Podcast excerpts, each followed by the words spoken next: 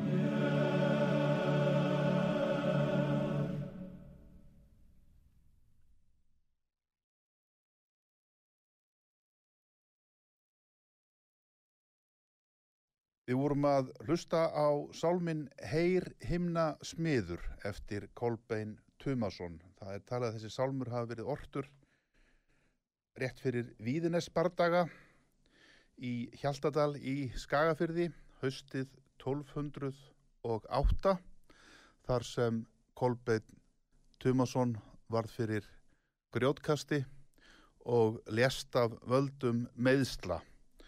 Hann var þá í för gegn Guðmundi Góða, hólabiskupi. Þessir atbyrðir þeir gerðust í hinnu merka og mikla sagna hér að því skagafyrði og uh, mér þótti því við hæfi að byrja þáttin á því að spila að leika þetta, þetta fallega lag er því leikið í flutningi Karla Kósins heimis sem er líka úr skagafyrði og til mín er komin Hjalti Pálsson frá Hofi í Hjaltadal þar sem Víðinnes er einnig og Hólar. Uh, Hjalti er reittstjóri og hefur verið margar ára skeið mikils verks sem uh, nú hefur komist á leiðarenda ef svo má segja. Byggðasaga Skagafjörðar í tíu bindum. Það er blega 5.000 blaðsíður og uh, er mikið stórvirki og stórmerkilegar bækur, mikið að upplýsingum. Hjalti, verður velkomin og til hamingju með þetta. Já, þakka þér. Er þér stórlega létt? Já, ég er óskaplega fegin að það skuli vera búið og, og skuli hafa tekist að ljúka því. Já. Því að þetta er búið að taka 26 ár. Það er bara rúmur aldar fjórðungur. Það er aldar fjörðungur, já. Og upphálega var nú gert ráð fyrir að þetta tæki kannski svona 10-12 ár Já. en uh, það hefur heldur betur tekst úr því. En það hefur náttúrulega verkið Eli Málsins samkvæmt það hefur þróast frá fyrstu bók til síðastu bókar Mm og uh, farið að vinna ymsa hluti betur heldur en gert var í upphafi Já. og þar á leiðandi tekið lengri tíma. Mm Þetta byrjar já, 1995 Já, að þá setjast með niður en þetta ásér náttúrulega miklu lengri aðdraganda eða svo maður segja. Hvernig, hvernig, já, ekki svo ég vissi til. eða forsögu, hvað ég maður segja, sagna hefð, mikill, það er mikill sögu áhugi. Já, hún er uh, frá gömlum merg í Skagafyrði. Já, Það má kannski segja að um, það var uh, líklega 1804 þá flist maður norður í Skagafyrð sem hétt Jón Espolín. já, og mjög þekktur maður og, gerði þess að síslmaður. Og hann var gangmerkur fræðimaður og kringum hann myndast svona eiginlega eins konar akademía já, í, í fræðum, já, fræðaakademía. Og uh, það voru ímsir sem að komið þar að og merkastur eða þekktastur þeirra var Gísli Konráðsson. Sem að þeir unni mikið saman og fyrir hluti 19. aldar er gríðarlega mikil fræðastarfsemi í Skagafriði já, og Gísli Konradsson heldur henni uppi eh, eftir að Jón Espúli leið og svo flist Gísli Konradsson vestur í Breiðafjörð settstæði í Flatey. Hann er kannski fyrsti atvinnu ritt höfundurinn á Íslandi mm því að uh, kaupmennindin í Flatey þeir fengan þarna vestur sköffuðu honum hús og konu og aðstöðu til að skrifta og þar skrifaði hann alveg fram á Já. það orði nýræður. Já, hann skrifaði bara fyrir, fyrir þá. Já, en svona þá fer að dopna yfir þessari fræðastarfum í Skagafyrði og svona dettur niður en svo rís þetta aftur upp með stofnum sögufélagskafninga 1937 já, og sögufélagskafninga hefur st- starfað óslítið síðan og uh, gefið út um hundra bækur úr sögu Skagafjörðar og það er áhuga manna fjallag. Það er áhuga mannafélag og, Já. og, og bara drifið áfram af áhuga mannum sem hafa Jón á Reynistað, uh, alþingismæður, hann Já. var nú driffjöðurinn í því að, að koma þess á, stofn. Já. Og uh, þó hann væri ekki formaður strax, hann síslumadur var gerður formaður, Já. Sigur Sigursson síslumaður og Vigur, hann var formaður fyrst árin og Jón tók síðar við að honum. Og síðan hefur þetta gengið. Ég, það er nú kannski ekki eðlilegt að, að það sé þannig en ég tók við formensku í þessu félagi 1977 og er ennþá formaður. Já, já, Það er bara svona þekktustu harðstjórar eins og Mugabe, þeir hafa ekki haldið út svona lengi. það verður að hálfa öld. Já, það verður alveg öll. Já, en upp úr þessu þá fæðist, það er náttúrulega, eru gefin út rít af vegum sögufélagsins og, og, og í framhald af því kannski þá fer þessi hugmynd einhvern veginn að taka á sig mynd að það sé rétt að ráðast í að skrifa byggðarsögu þessa héraðs. Já, já, þetta er náttúrulega framhald af, af löngri þróun. Já. Upphaflega fara þeir út í að skrifa ímsa þætti úr uh, sögu skagaferðar, uh kannski frá Sturlungaldunni, það eru áspyrningar, það er landnám í skagaferði, það er heima hólum og, og fleiri þættir. Síðan fara þeir ú- út í það og að búa til ábúendatal skagaferði. já. Það kemur út í fjórum heftum á árunum uh, 1949 til 58 mhm, og þar er semst ábúendur frá 1781 til þess dags sem að bækuna kom út. Mhm, og þetta var henni brautið þetta verk að þetta er í gert úr heilli síslu svona langt aftur. Og síðan er það að það kemur upp svo hugmynd að, að byggja ofan á þetta og þessi byggðarsaga skagaverðar hún er náttúrulega byggð ofan á þetta ritt Þarna er ábúendatal frá 1781 til 2021, já. 200 ár. Og menn hafa haft úthald, 240 ár. já, en menn hafa haft úthald í að, að gera þetta frá, já, 1995 Já, að standa í því að skrifa þetta verk núna í tíu bindum. Já, það, með ótal ljósmyndum og upplýsingum og uh, þú hefur farið og, og, og þínir samstarfsmenn farið um sveitirnar já, eða hvað, safnað upplýsingum? Hvernig lístu því hans fyrir okkur, hvernig hefur þetta verið unnið? já, sko þetta er náttúrulega ekkert einsmannsverk. Nei, nei, Það er, og við höfum alltaf verið tveir. Já, svona fastir starfsmenn. já, Og um, fyrst kom til liðsum Egil Bjartansson ráð, ráðun, ráðunautur í Skagafyrði. já, mjög lengi og hann vann ákvæmna verkþætti í þessu og síðan eh, 2009 kemur Kári Gunnarsson frá Flatatungu til þessu og var alveg til ársloka 2020. já. Egil fellur frá 2015 eða ekki? Jú, en hann hætti þarna áttræður. Já, hann Eða ætti það bil. áttræðar í þessu, já, En uh, síðan er þetta unnið þannig, þetta er unnið afskaplega, það er lagt mikið upp úr því að munlegum heimildum. já, Það er ekki bara að við vinnum þetta upp úr skrám og stýrslum heima á skrifstofu heldur hefur farið gríðarlegur tími í vettvangsferðir sem ég kalla. Já, já, og við fórum og eftir að Kári kom til minn þá skiptum við nú með okkur svæðum. Og uh, já, í til fórum við saman en, en yfirleitt sinn ykkur lægi já, og við töldum og mér finnst það nöðsynlegt að maður fengi yfirsýn, einhverja lauslega yfirsýn á jarðir. Já, og að þreyfa á því sem maður var að fjalla um. Og þess vegna fórum við um jarðir og leitum upplýsingar hjá ábúendum eða brottfluttum.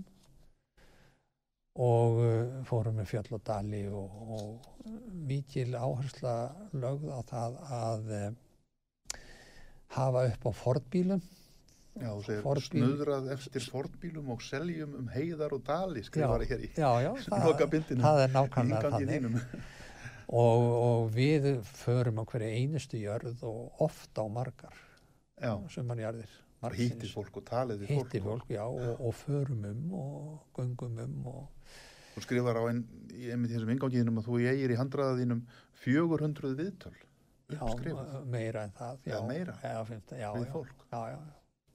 Og það eitt fyrir, út af sig, það fór mikil tími að skrifa þetta upp á Já. sögurbændunum ef maður búin að taka heila spólu þá var maður heila dag að skrifa þetta upp þannig að það er svona já, en þetta er allt saman til í dag, bæði rattir fólksins á segurböndum Nei, eða hvað? þær Ekki? eru yfirleitt ekki. En- En, þetta var bara drasl upptaka. Ég haf með Já. diktafón og uh, setti þetta bara í gang og, En það, þetta var og skrifað upp. Það var skrifað upp þannig og ég skrifaði þetta sjálfur vegna Mm. þess að þegar að maður fer að spjalla þá kemur alls konar mas og, og sem að kemur ekkert málinu við inn á milli Nei, nei, og það var ekki hægt að láta sko, einhvern annan gera þetta þannig að ég var sjálfur bara að gera þetta og, og hreinsaði úr það sem að ekki kom málinu við. Já, einmitt. En, en þetta er þessi, þessi gagnaöflun, hún byggir mikið á þessu að, að það er farið út Já. og talað við fólkið. Já, Og þið náið þá, þú það við mig, þið náið að tala við fólk sem er horfið yfir móðuna miklu í dag já, og náið að tala við þessa kynnslóð sem uh, lifði í landinu kannski á allt öðrum tíma heldur en í dag þar sem fólk var í miklu meiri tengslum við umhverfið sitt, náttúruna og staðhætti og annað. já, já, það er alveg upp á, á þeim tíma þegar, Já, þegar að menn þurft að kunna deili á, á, á landinu. já, En um, síðan na, þá hefur maður sko, já, já, þetta er út þess. en, en hérna, já, deila á landinu segiru, en þetta, er, eru upplýsingar sem næst að bjarga þið, sem að segja, Já, uh, áður en, áður Og- en það verður á seint. já, já, og ég hafði vaðið fyrir neða mig að ég eh, náttúrulega byrja út á Skaga Já, og fer rangsaður sem hér aði og enda út í fljótum og þarna líða meir en 20 ár á milli. já, Þannig að í nokkrum tilfellum þá hafði ég vaðið fyrir meðan mig og, og talaði við menn sem að voru svo löngu látnir þegar ég kom á það svæði já, já, og náði þar markverðum upplýsingum til dæmis út í fljótum. já, já. En þið byrjið útgáfanir þannig að þið byrjið norður á Skaga, Já, á og, vestanmegin, og þessu og er... fetið ykkur suður með vesturströnd Skagaferðar, eins og maður segja, já, já, og, vestur, og, og, og, og svo Og- út að austan. út á austan. Og uh, þessu er stift niður eftir hinnu gamlu hrefsfélögum. Já, já, En uh, hins vegar þá legg ég mikið upp úr því að uh, láta það koma fram í hvað sveitum uh, viðkomandi bær er. Sko. Það eru Mhm. margar sveitir í hverjum hrefsfélagi. já, Í Rýpurheppi er bara ein sveit, það er Í Hólarheppi er, er, er, hóla, er eh, Hjaltadalur, Kolbensdalur. Í Lýtstæðarheppi eru, eru margar sveitir. já, já, Það er tungusveit og efri byggð og neðri byggð og, og, þetta er allt og tiltegið. það, þetta er allt tiltekið. Já, já, Vegna þess að, að eh, náttúrulega það er, að hver, er hverfandi þessi tilfinning fyrir hreppunum mhm, en eh, ég vil gjarnan sveitar heitin haldist. já. Og ykkur hefur svona tekist að, hvað er maður að segja, já, bjarga því, svo maður segja. Já, já, er til. eh, hjálpa til, já, Eh, reyna það. Stjálfest, já, já, já, já. Hérna, þegar ráðist er í svona stórvirki, þá, þá hlýtur að þurfa, já, það þarf raun og verið enginn að segja með annað en að það þurfi þá að ríkja sátt um þetta verkefni. Hefur verið sátt um þetta innan sveitafélagsins? Ég held að það sé óvægt að segja það, það hefur verið ákveðlega mikil sátt um þetta. Það var, uh, það var uh, menn á vegum hérasnefndar. Það var óvægt að nefna þá Jón Guðmundsson frá Óslandi og Þorstein Áskrimsson bónd á Varmalandi Mm -hmm. sem að voru forgöngumenn að því að þetta verkefni fór á stað. Og á þessum tíma þá er ég stjálavörðu við hér á stjálasafnið og þeir koma máli við mig um að ræða, ræða þetta við mig um að taka að mér þetta verkefni. Mm Og ég hafði svo sem oft hugsað um það, menn uh, voru sem er búin að tala um það við með akkur fáum við ekki í skaga fyrir þessu svona búkollu eins og, eins og þeir kolluðu þessar byggðarsögur sínar í til dæmis þingeingar og eifyrðingar og hónveitingar. Já, Og ég eh, vissi náttúrulega um þetta en mér langaði ekki til þess að gera svona bækur. nei, Ef að er þið farið í þetta á annar borð, þá vildi ég taka þetta miklu víðar í grundvelli. mm Og uh, ég fekk bara sjálfdæmi í því hvernig ég hagaði þessu verki. Og það var að skaplega dýrmætt að mér var gefið þetta sjálfdæmi. já, Og ég fekk að haga þessu eins og mér Víðari þótti- grundvelli áttu þá við já. ítarlegar? miklu ítarlegar sko. Já, Já, þarna þessar uh, byggðasögur sem er byrjuð á, það er, eru kannski bara eina eða tvær blaðsíðin um hverju jörð. já, já, En í þessu verki er þetta frá einni blaðsíðu upp í kannski 30-40 með eina jörg fór í 60 síður. Já, það er þessu þá líst ítalega Já. ákvöndum og Já, örnefnum eða hvað það er byggt náttúrulega á ábúendatalinu, Já, það er notað og það er bætt við það og síðan er mynd, aukiða myndefni og upplýsingum. Já Og Já. jafnvel þið hafi lagt inn nýtt, GPS-nýtt á Já, gamlum rústum og það er, eitt, það er eitt sko sem er dætt í huga að væri stinsamlegt og það er það að gefa upp GPS-nýtt á öllum eyðibílum, Já, seljum og ýmsu fleiru. Og uh, það var nú svo galli á að þegar að fyrsta bókin kemur út 1999 þá er nýttakerfið rugglað þetta er bandarist kerfi og þeir notuðu þetta til að stjóta eftir í eldflugum eða eitthvað. Já, já, og það mátti ekki, mátti Já, ekki allir uh, hafa það á þekkingu þannig Nei. að kerfið var rugglað en svo var þetta tekið af rugglið árið 2000 já, þannig að fyrsta bókin er með ruggluðum hnittum þannig að það getur mun á 20 metra. Já, já. en núna munar þetta bara eitthvað frá metrum. Mm -hmm. sem að og, og það er mikil svirði að í stað þess að reyna að lýsa í löngumáli Já, hvar einhver staður er Mm. þá er það bara lýst í stuttum máli og síðan gefa upp stöðunit já, og þá getur hver sem er gengið beint á þetta Já. til dag sem er með svona tæki í höndunum. Bara flettis upp og, og þetta er eitt af því sem er þýningamikið til dæmis í nú er mikil áhuga fyrir gönguferðum um landið og, og það getur gengið beint á staðin eftir nýttinu tók fólk ykkur yfir eitt bara vel þegar þið voruð að grenslast fyrir um og fara um jarðir? Já, mjög vel sko. Það er bara og uh, mikill áhugi hjá mörgum, eðlilega hefði menn mistjöfnan áhuga á þessu en, en uh, maður er alltaf vel tekið. Fólk vildi leggja fram upplýsingar og segja Já, frá því sem það vissi og og, mjög fúsir til þess og, Mm. og, og það sem að ég, við höfðum síðan fyrir reglu, það er það að þegar að búið var að semja texta um einhverju jörð, þá var þessi texti sendur til skoðunar til ábúenda eða einhverja brottfluttara. mm Sumum tilhjóðum hefðum við engan til Nei. þess að, að leita til á, á stöðum sem er lönguverðin í eyði. Já. Og þetta, þetta náttúrulega úr þessu komu margar leiðréttingar já, sem að ella hefðu flotið í gegn því að gjörsamlega vonlaust fyrir menn sem að fara á staðin að, að fara rétt með allar, já, já, allar staðfræði til dæmis. já, Menn gáttu kannski ekki vita hvort maður, sem maður skrói upp úr gamlum heimildum, hvort það væri rétt en, mm. en þetta var mjög mikil svirði að fá þetta og, og kom í veg fyrir margar villur. já. Er þetta verk einstakt í sinni röð hér á Íslandi? Það hefur, Já, hafa, ég held hafa að- engir ég aðrir held og að- hafa verið skrifað byggðasögur og það Já, hafa engin farið í þetta með þessum ekki, hætti. ekki með þessum hætti Nei. en það er þetta sko búið að taka þvílíkan tíma að gera þetta Já. Og kosta mikla fjármunni? já, já, þetta er mörg hundur miljónur sem þetta er búið að kosta Já, það segir sér sjálft að, að það er eh, hægt að tala um að það séu komin kannski 50 starfsár í þetta verk 50 starfsár. já, Og það eru tveir starfsmenn sem hafa það verið það að jafna eru því svona gegnum gangbætti tveir sem starfsmenn sveitafélagið hefur greitt.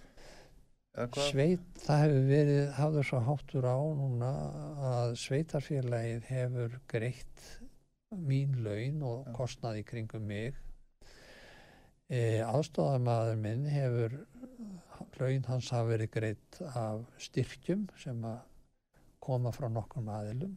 Þar er þeir sem hafa verið stöðugastir í því, það er náttúrulega kauflaskafringa, það er e, um, menningarsjóður Norrlands vestra sem að heitir nú held ég uppbyggingarsjóður Norrlands vestra. Mm og nokkru fleiri aðlar Já, e, e, bíkómenn hafa styrt mig vel já, en það ættaðir úr fljótonum já, því sveiði já, og ímsir margir fleiri sem að já, sendir að- að að, að já, og já, já og uh, þetta hefur notið mikillar velvildar já, þetta verk og þegar menn sáu ég byrjaði náttúrulega á þessu 95 og, og uh, fyrsta bókin kemur ekki út fyrir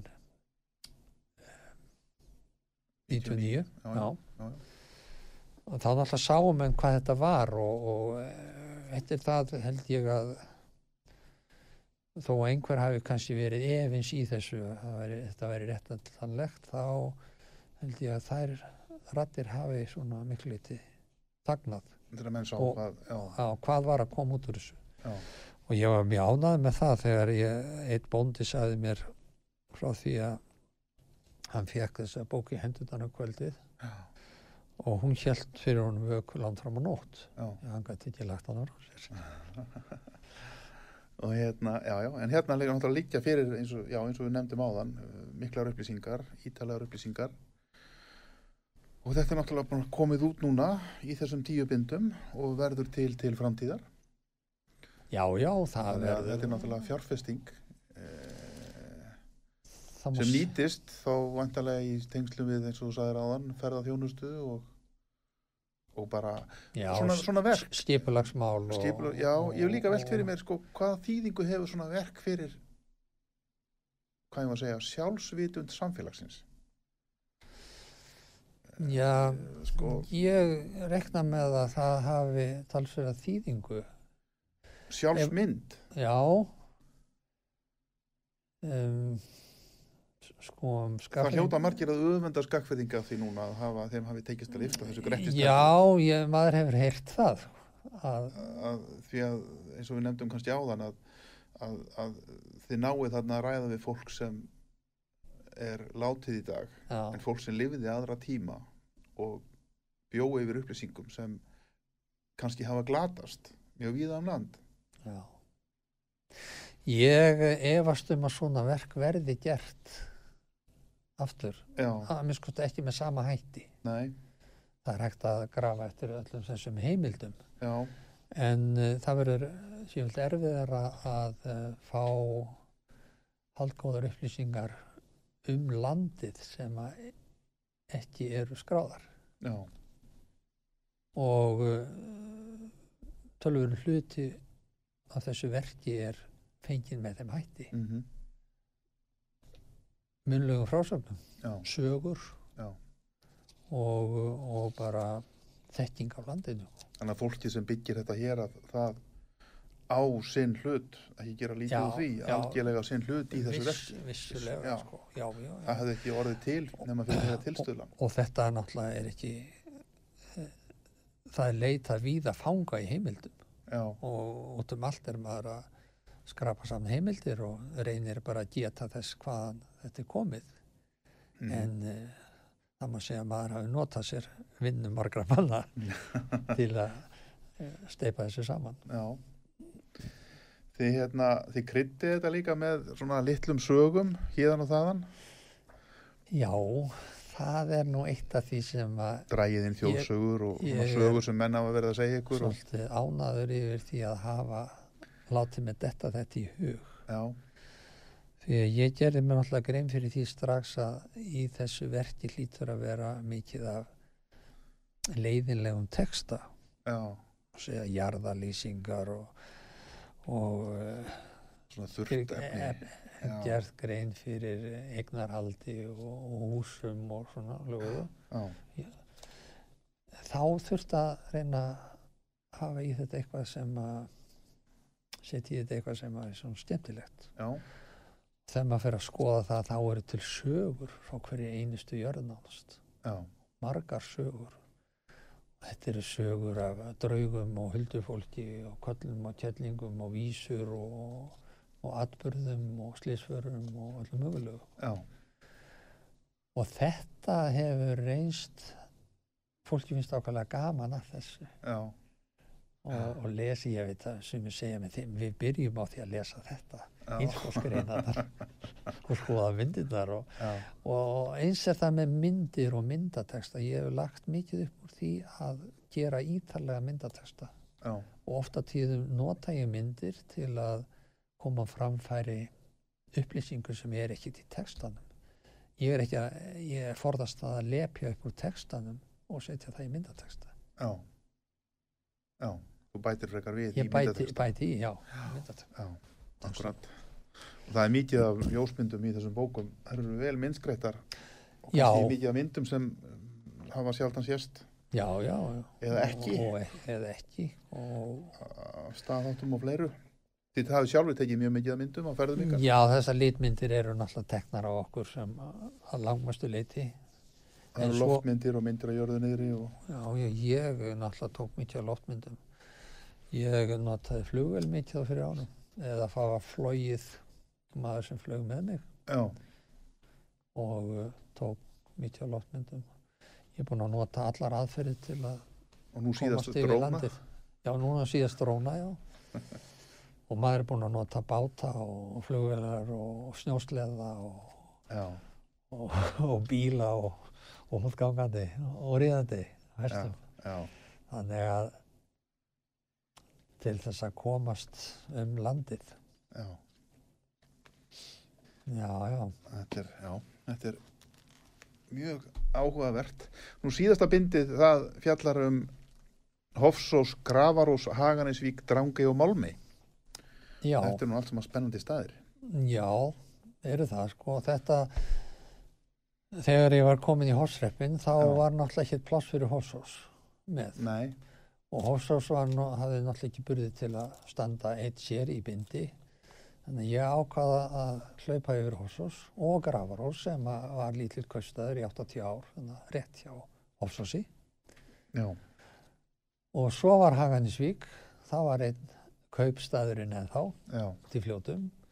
Ætla þeir átt, Haganisvík átti nú uppalega að vera með í fljótabóðkonum en þá var bara ekki pláss fyrir hann. nei, Þannig að þetta ákvaða að geima þetta bara í síðasta bindið og, og þá líka eigadar Málmi og að, Gravarós, það er ekkert nema tóftir þar eftir í dag. nei, nei. Haganesvík lagðist líka af.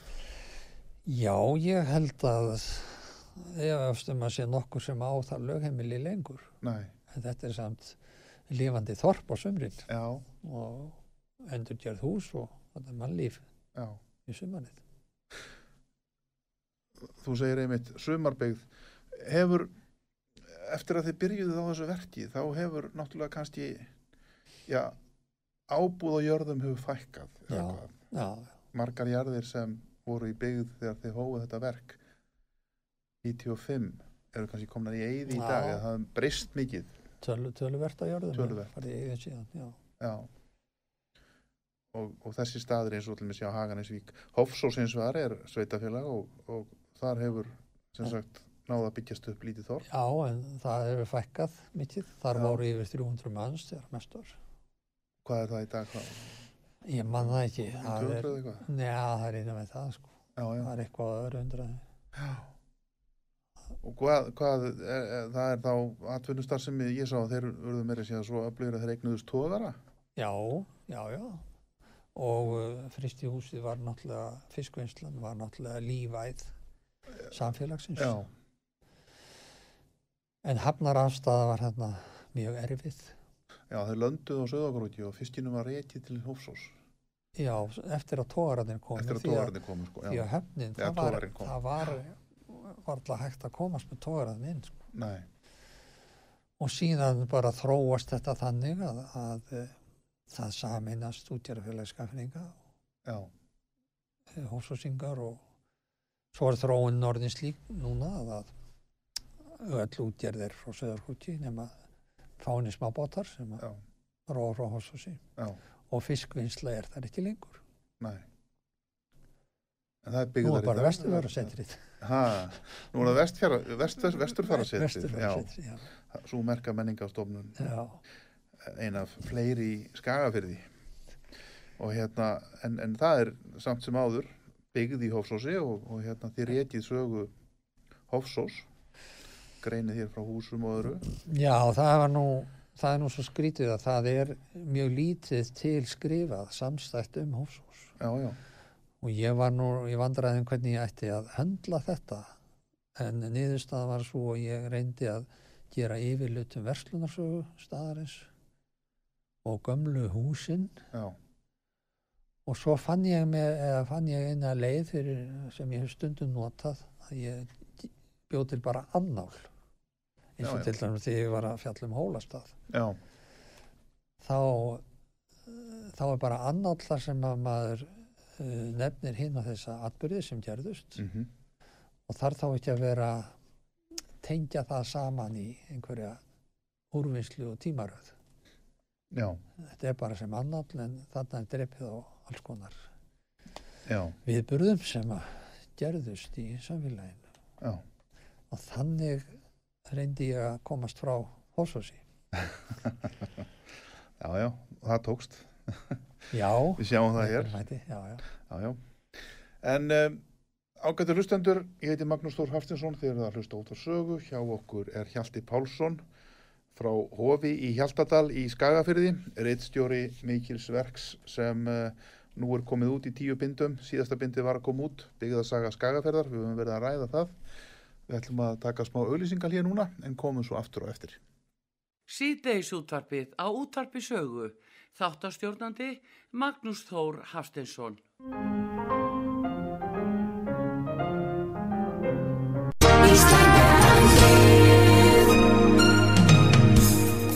Styrtareikningur útvarpsögu í Íslandsbanka á Granda. Útubú 513, höfubók 26, reikningur 2.11.11. Nánari upplýsingar á útvarpsaga.is. Takk fyrir stöðningin.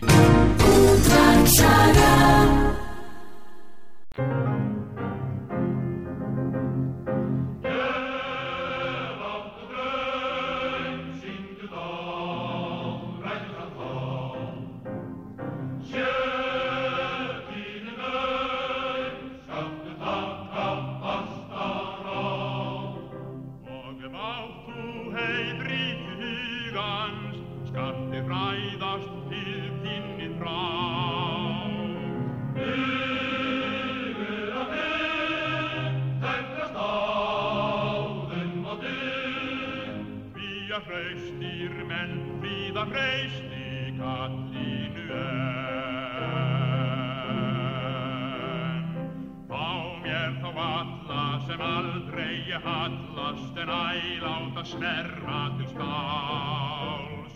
Fái mér karlmenn sem kunna að halla í krafti hins réttláta máls. Óbrátt skal þá kalla frá fjöru til fjalla til frelsisins orustu báls.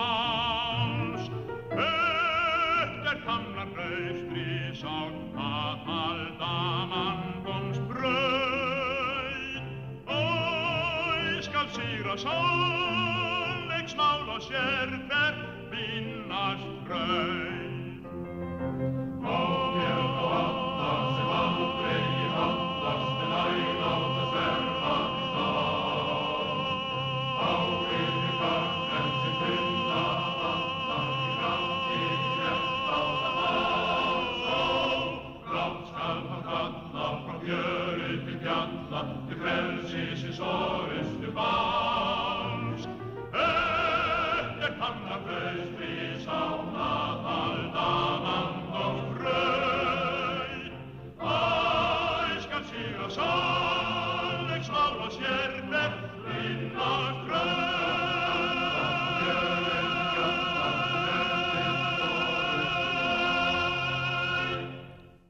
Komið sælættur, ég heiti Magnús Þór Haftinsson og þeir að hlusta út af sögu. Hjá okkur er eh, Hjalti Pálsson frá Hofi í Hjaltadal í Skagafyrði. Hann hefur verið reittstjóri tíu binda verksum byggðasögu Skagafyrðar.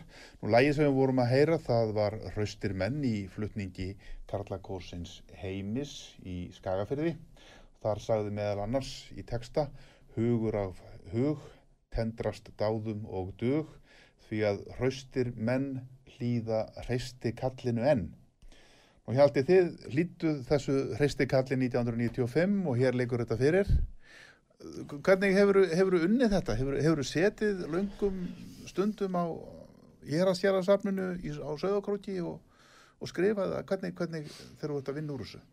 Já, ég er náttúrulega mín starfstöð og, og aðstæða hefur verið á Jeraskjærarsafninu. Já, Ég var nú sjálfur Jeraskjæravörður þegar að þetta byrjaði. já, síðan það var aðrir tekið við, verið tveir síðan og þarna hefur maður alltaf eh, fengið að vera og notið mikillar og góðrar fyrirgreyslu og uh, síðan hefur auðvitað sko ég sjálfur ég hef eiginlega ekkert skrifað nei, á safninu. Þar er ég í heimildaöflun og hitta fólk og já.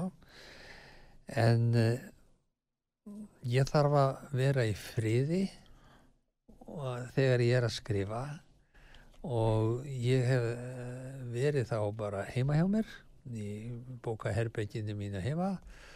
Þar hefur bókin skrifast síðis og kvöldin og fram á stundum. já, já, og lokaði af.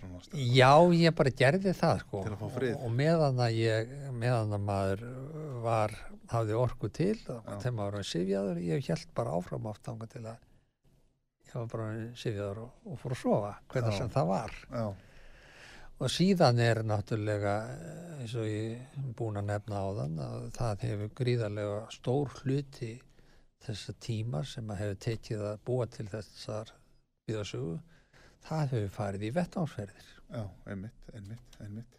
Við vorum hér áðan að tala um Hofsós. Uh, Kanti ekki einhverja góða sögur frá Hofsósi? Jú, eitthvað mann ég sko, það er náttúrulega í þessum bókum er, er fullt af sögum. Já, Bæði sem ég hef tekið upp úr heimildum og, og sem mér hefur verið sagðar.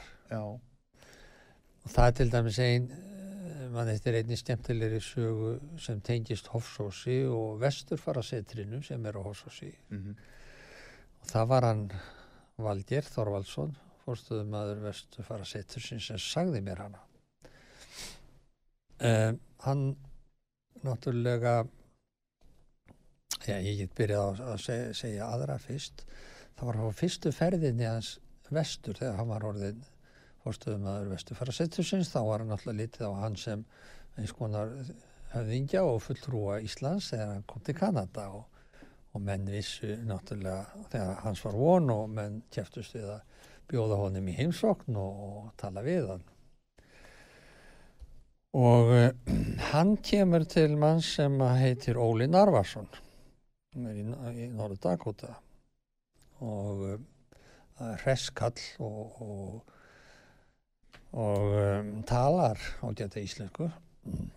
Og um, Valdi kemur til hans og fer að spurja einn af, þessum uh, framamönnum þarna á þessu svæði hétt Stefán Stefánsson. Og uh, ættar á djúpadal í Skagafriði hann var lauruglustjóri þarna og í pólitík eitthvað.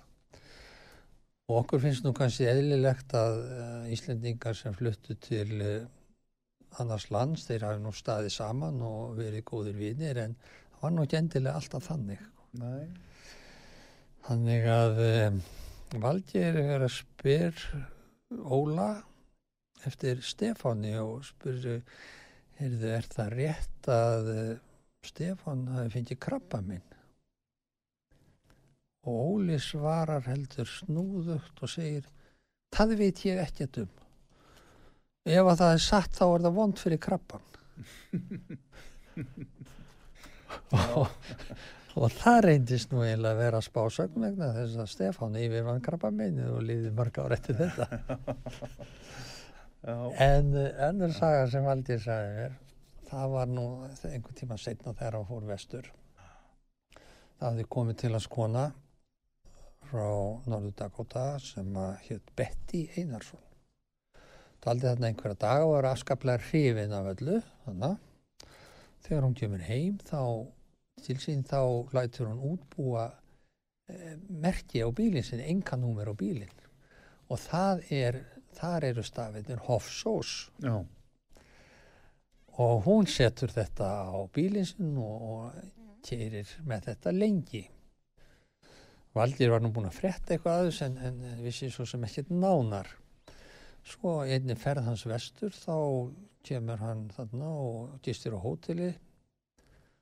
Þá er bref í lobbyinu til hans og, og til hans. Þetta er brúnt umslag og inn í þessu umslagi var þetta merki, bílmerki og greinargerð fyrir því. Það saðist hún vera honum gömul kona og væri hægt að keira og, og það væri best að og hann bara ætti merkið. Já, Já. Og hann bílnúmerið, enga blötuna. Já, já, enga plötuna. Nú hann setur þetta í tösku sín og, og fer svo norður til Kanada. Allt í leið með það. Svo fer hann tilbaka sömu leið, en þar er hann stöðaður á landamærunum og gerði leit í bílum og, og þar finna þeir merkið. Mhm. Og það var nú ekki gott. Honum var gert grein fyrir því að þetta væri litið alvarlegum augum. Hann gæti verið í vondum málum út af þessu. Nú, Og hann er leitur fyrir einhvern lauruglukonu þarna og fer að segja henni þessu undarlega sögu um tilöð merkinsins. Já, hún útstýri fyrir honum að þetta væri litið mjög alvarlegum augum hér því að það var ímsið sem yðkuðu það að stela bílum í bandaríkjónum og fara með það norður til Kanada og selja það þar. Koma svo með merkin aftur og þetta var, var hérna álitið já, slæmt mál. sko. Já. Já, en, en hún, svo segir hún, hún sko, hann segir hún þessi faranlega sögu og þegar hún er búin að náttúrulega stýra þetta fyrir hún, hvað þetta sé hættulegt mál, þá segir hún það vil nú reyndast þannig til að ég veit allt um þetta merki. Mhm. Því að það var tengdamóður mín sem, sem að var með þetta merki og ég hjálpaði henni við að ganga frá, frá brefinu. og þannig að nú skalt þú bara setja þetta onni töskuðina og ekki láta nokkurn maður sjá þetta fyrir þú kemur einn til Íslands. nei, Ef hann hefði ekki lend akkurát á þessari konu, já, þá hefði hann bara verið í mondum málum og sagði svo, svo að ég, þá sæti ég bara sjálfrátt 20 hús í hún bandaríkjum. hefði verið stungið inn bara. Já, í bandaríkja menn taka engum vettlingatökum á þeim sem er, telja sig að sökot við. nei, Ég ætla að segja þér eina skemmtilega stutt á sögu líka þarna á Já. næsta nágrinni. Það var, þar var á nöstum sem er lítið smábíli þarna rétt auðvitað við Hósás. já, Þar bjó ekki að helga á nöstum og það var hjá henni lengi maður sem að hétt Ólafur Jónsson. Hann var stundum nefndur ráðsmaður og, svona, og var þarna alveg fram á fram á dána dag, búin að vera þarna í 20-30 ár. Og hann svaf upp á lofti kallinn og, og Helga hún, hún síðast á færði hún stundum upp morgunverðin Svo fer hún upp einn morguninn og er með áragrautin og kemur inn og allar að gefa hún grautir og, og kallinn ansar henni ekki.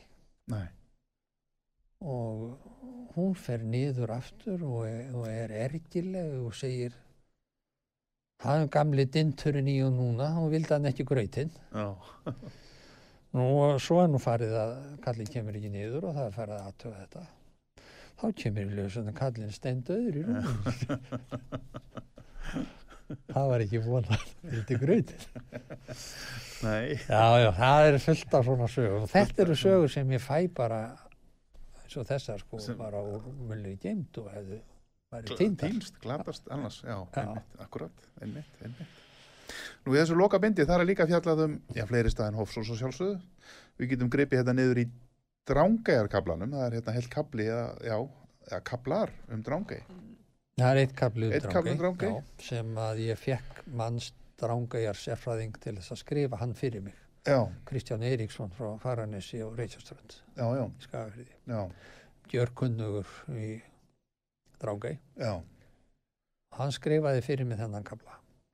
Hér eru ljósmyndir með örnefnum, Já, sett inn örnefni á, á nokkra ljósmyndir já, sem að er mjög til skýringa. Já. Og fleiri myndir einmitt, uh, það er sagt hér frá fjárhaldi og heiskap og eggjatekju fugglaveiðum, Já, nýtjum í drángei. Uh, merkilega ljósmyndir einmitt af nýtjónum og þegar verið er að síga í björgin, sagt hér hjá flekaveiðum á fuggli. já. Sem að var mikið stundaði drangæði. Mikið stund að drángei hefur alltaf verið mikil matarkista. Já, þetta var kvöldið krúnan- mjólkur kýr skagafjörðar. Mjólkur kýr skagaferðar. Já, þegar- á vorin þegar að búsvelta var orðin og ekkert nýmeti, Já, þá var þetta nýmeti kom frá drangæði. það, var, það kom frá drángei, Já, það var fugglin og það var, var ekki. eggin. Þannig að það var alltaf farið á vorin. Já. Eða snemma, já.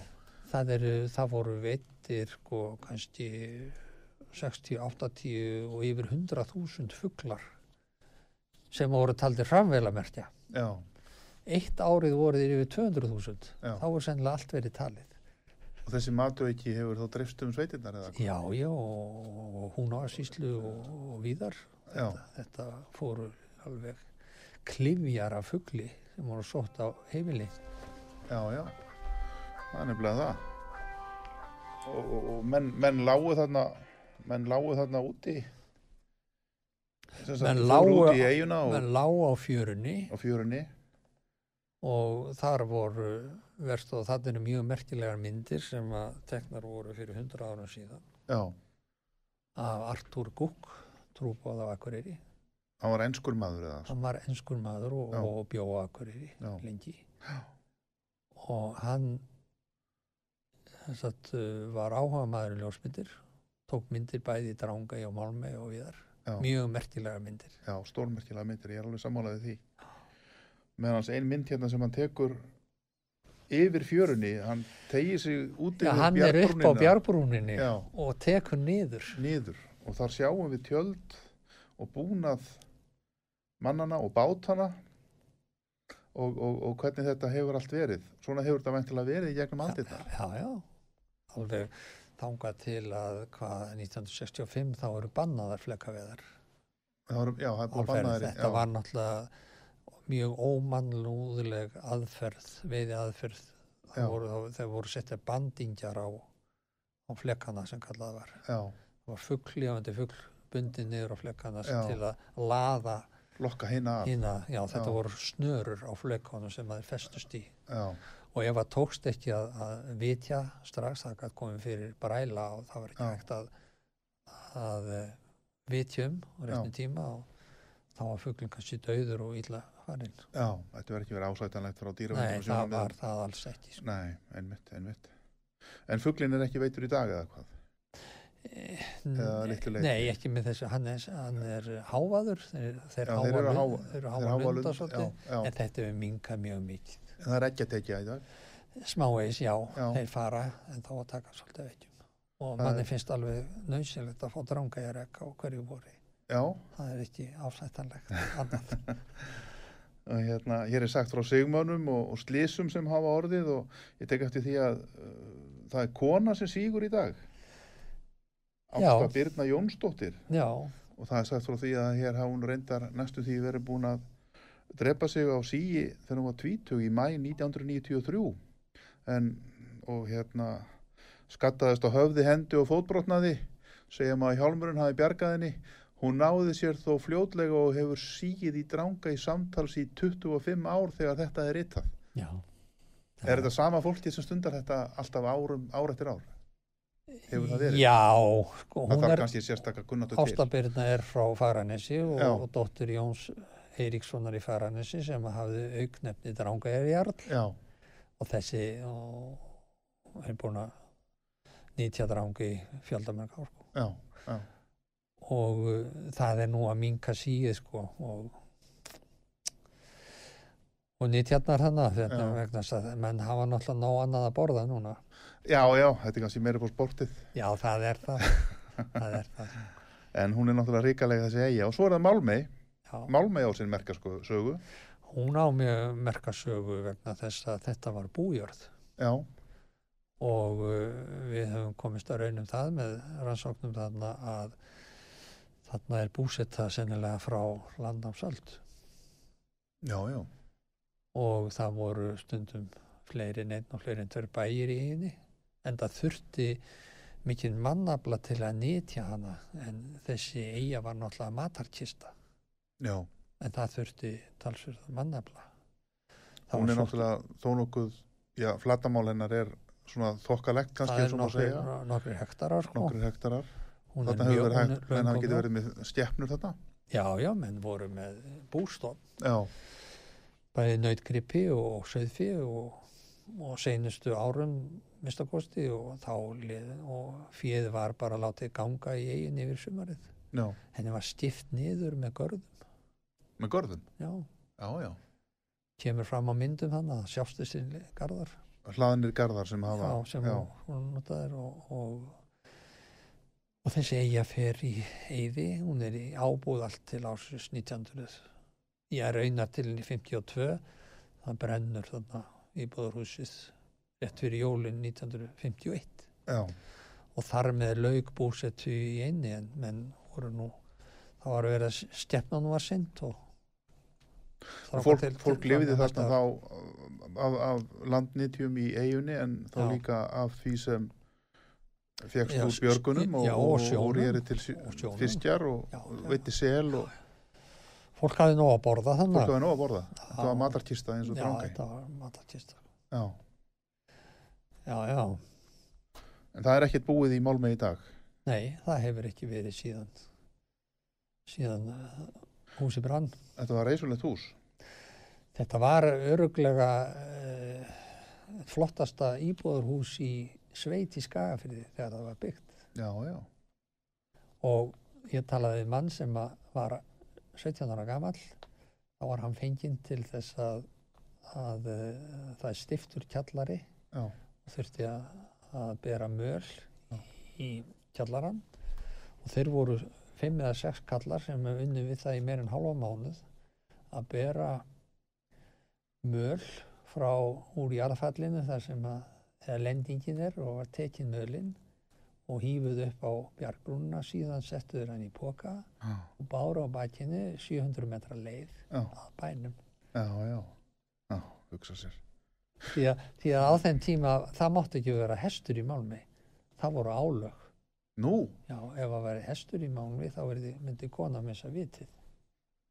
Og það þorði enginn að, að brjóta ganga gegn þessum álögum fyrir en að Jóhanna Gunnarsdóttir gerði það og flutti hest út í já, hún var skipað eh, upp á, af Longkotsmöl og fluttur út í Malmö og Jóhanna var þar sjálf með.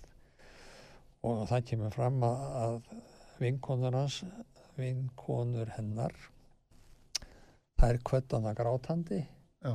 þær byggust ekki við að sjá hana helbriða eftir þetta Fólk er alveg trúa þessu. já.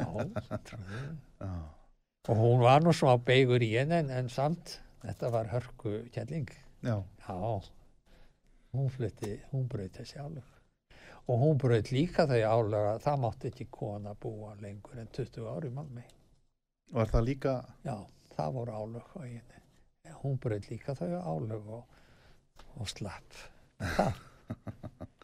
Menn hefur aldrei farið með bíl út í Málmei. jú, Já, jú, það var nefnilega að fara með bíl. já, Og uh, ég komst í mann sem gætt sagt mér frá því. já, Það var hann að veru bíl, náttúrulega hann hefur verið 1-2 tonn, pallaus og bara grindin og, og, og húsið. Og honum var fleitt á Pramma í land og þeir gáttu komið honum. Það var mikið erfiði að koma honum upp sneiðing upp, upp á eina já, og uh, þegar þeir voru að keira hann upp, svo sem satt í bílum, hurðin var tekin af. Já, og þeir þurftu að hlaða plöngum undir sko, hjólinn já, á á fremri Já. til þess að, láta hann tolla í að þannig að þeir ef að bílinn alltaf fram, fara fram af þá gæt bílstjórin forða sér með þeir lögbúndu bílum já, þess vegna tóku þér hurðin á hann. já, en þetta, en þetta slag en þetta var sko árinu áður en að, að þeir fluttu svo veginni. Þetta verið 1950 sem að, Já, já, og síðan hefur ekki verið búið í Málmei. já, Nei, eða það var búið þannig ár eftir það. Já, já, já, og síðan var þessi bíl fluttur aftur í land en ég veit aldrei hvað var það, hvað var það af honum. nei, einmitt. Þá var hann nú bara halað niður í köðlum. Já, já, slaka niður onni fjöru.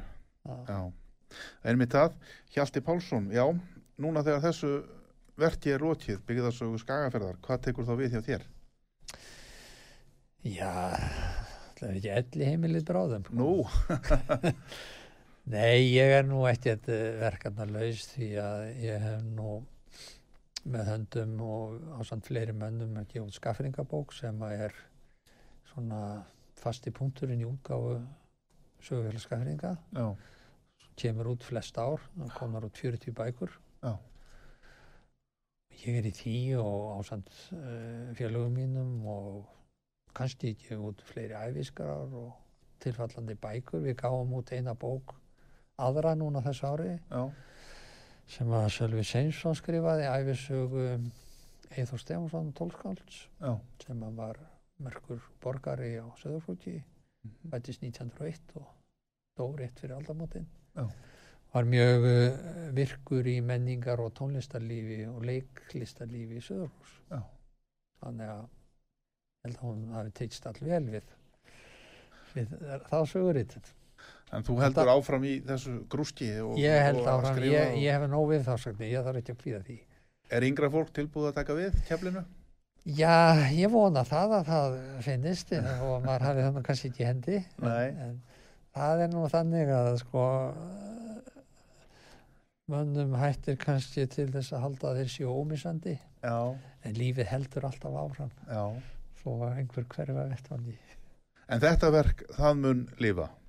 Já, ég hef trú á því og, og það sé gagna því fyrir samfélagið eins og, eins og sálmurinn sem við spiluðum í upphafi sem er orðin 800 ára gamall en er enn sungin. Hverjum nema eftir 800 ára það mun einhverju sitja og leita heimilda sem eiga upprunum sinn úr þessu verki þó að kannski fólk verið hægt að lesa bækur þá, við vitum það ekki eða á hvaða formi það verður.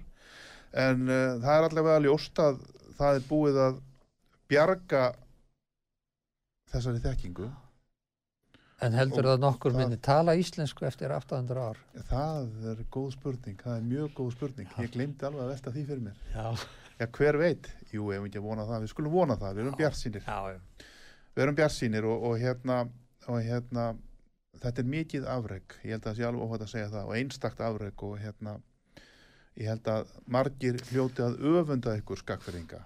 Ég, má ég bæta henni við? Já, Það er nú svona algjörðu stjelmiskapur að vera að segja þetta en þegar að menn eru svona að hæla þessu og stjalla mig með Já. þessu þá segir ég stundum það veit nú enginn nema ég hvað þetta er illa gert. Og þá meina ég náttúrulega það voru, ég veit um ímsar heimildir sem ég fór ekki í og, og hefði þurft að vinna betur en já, það er bara ekki tími til að líta nei, nei, nei, nei, það er nú bara eins og það maður veit um ímsa bláþræði sem er í þessu Já, það var að skrifa sig í kringum hlutistundum en þú kannski nærðað hérna ganga frá einhverjum af þessum lausu endum vonandi. Og þú átt náttúrulega eins og sögum áðan í upphafi 400 það eru lítur að vera til geysilega mikið heimildum sem hefur verið safnað. Já, já, sem munum kannski nýtast líka Já, í framtíðin með einum öðrum hætti. Það er alveg, alveg hægt að vinna heila þættu upp úr suma þessu. einmitt, einmitt, einmitt. Það er nefnilega það. Hjalti Pálsson, takk fyrir komuna. Já, þakka þér og fyrir að taka á mótum mér. skilaðu kveðjum Norður Skagaförð frá okkur. Já, ég hér á geri það. útafri sögu og, og, og öðrum hlustundum vonandi líka. Og hérna jólakveðjum. Ég heiti Magnús Stór Haftinsson þið hafi verið að hlusta út af sögu. Uh, þættinum er lokið í dag. Takk fyrir að hlusta, verið sæl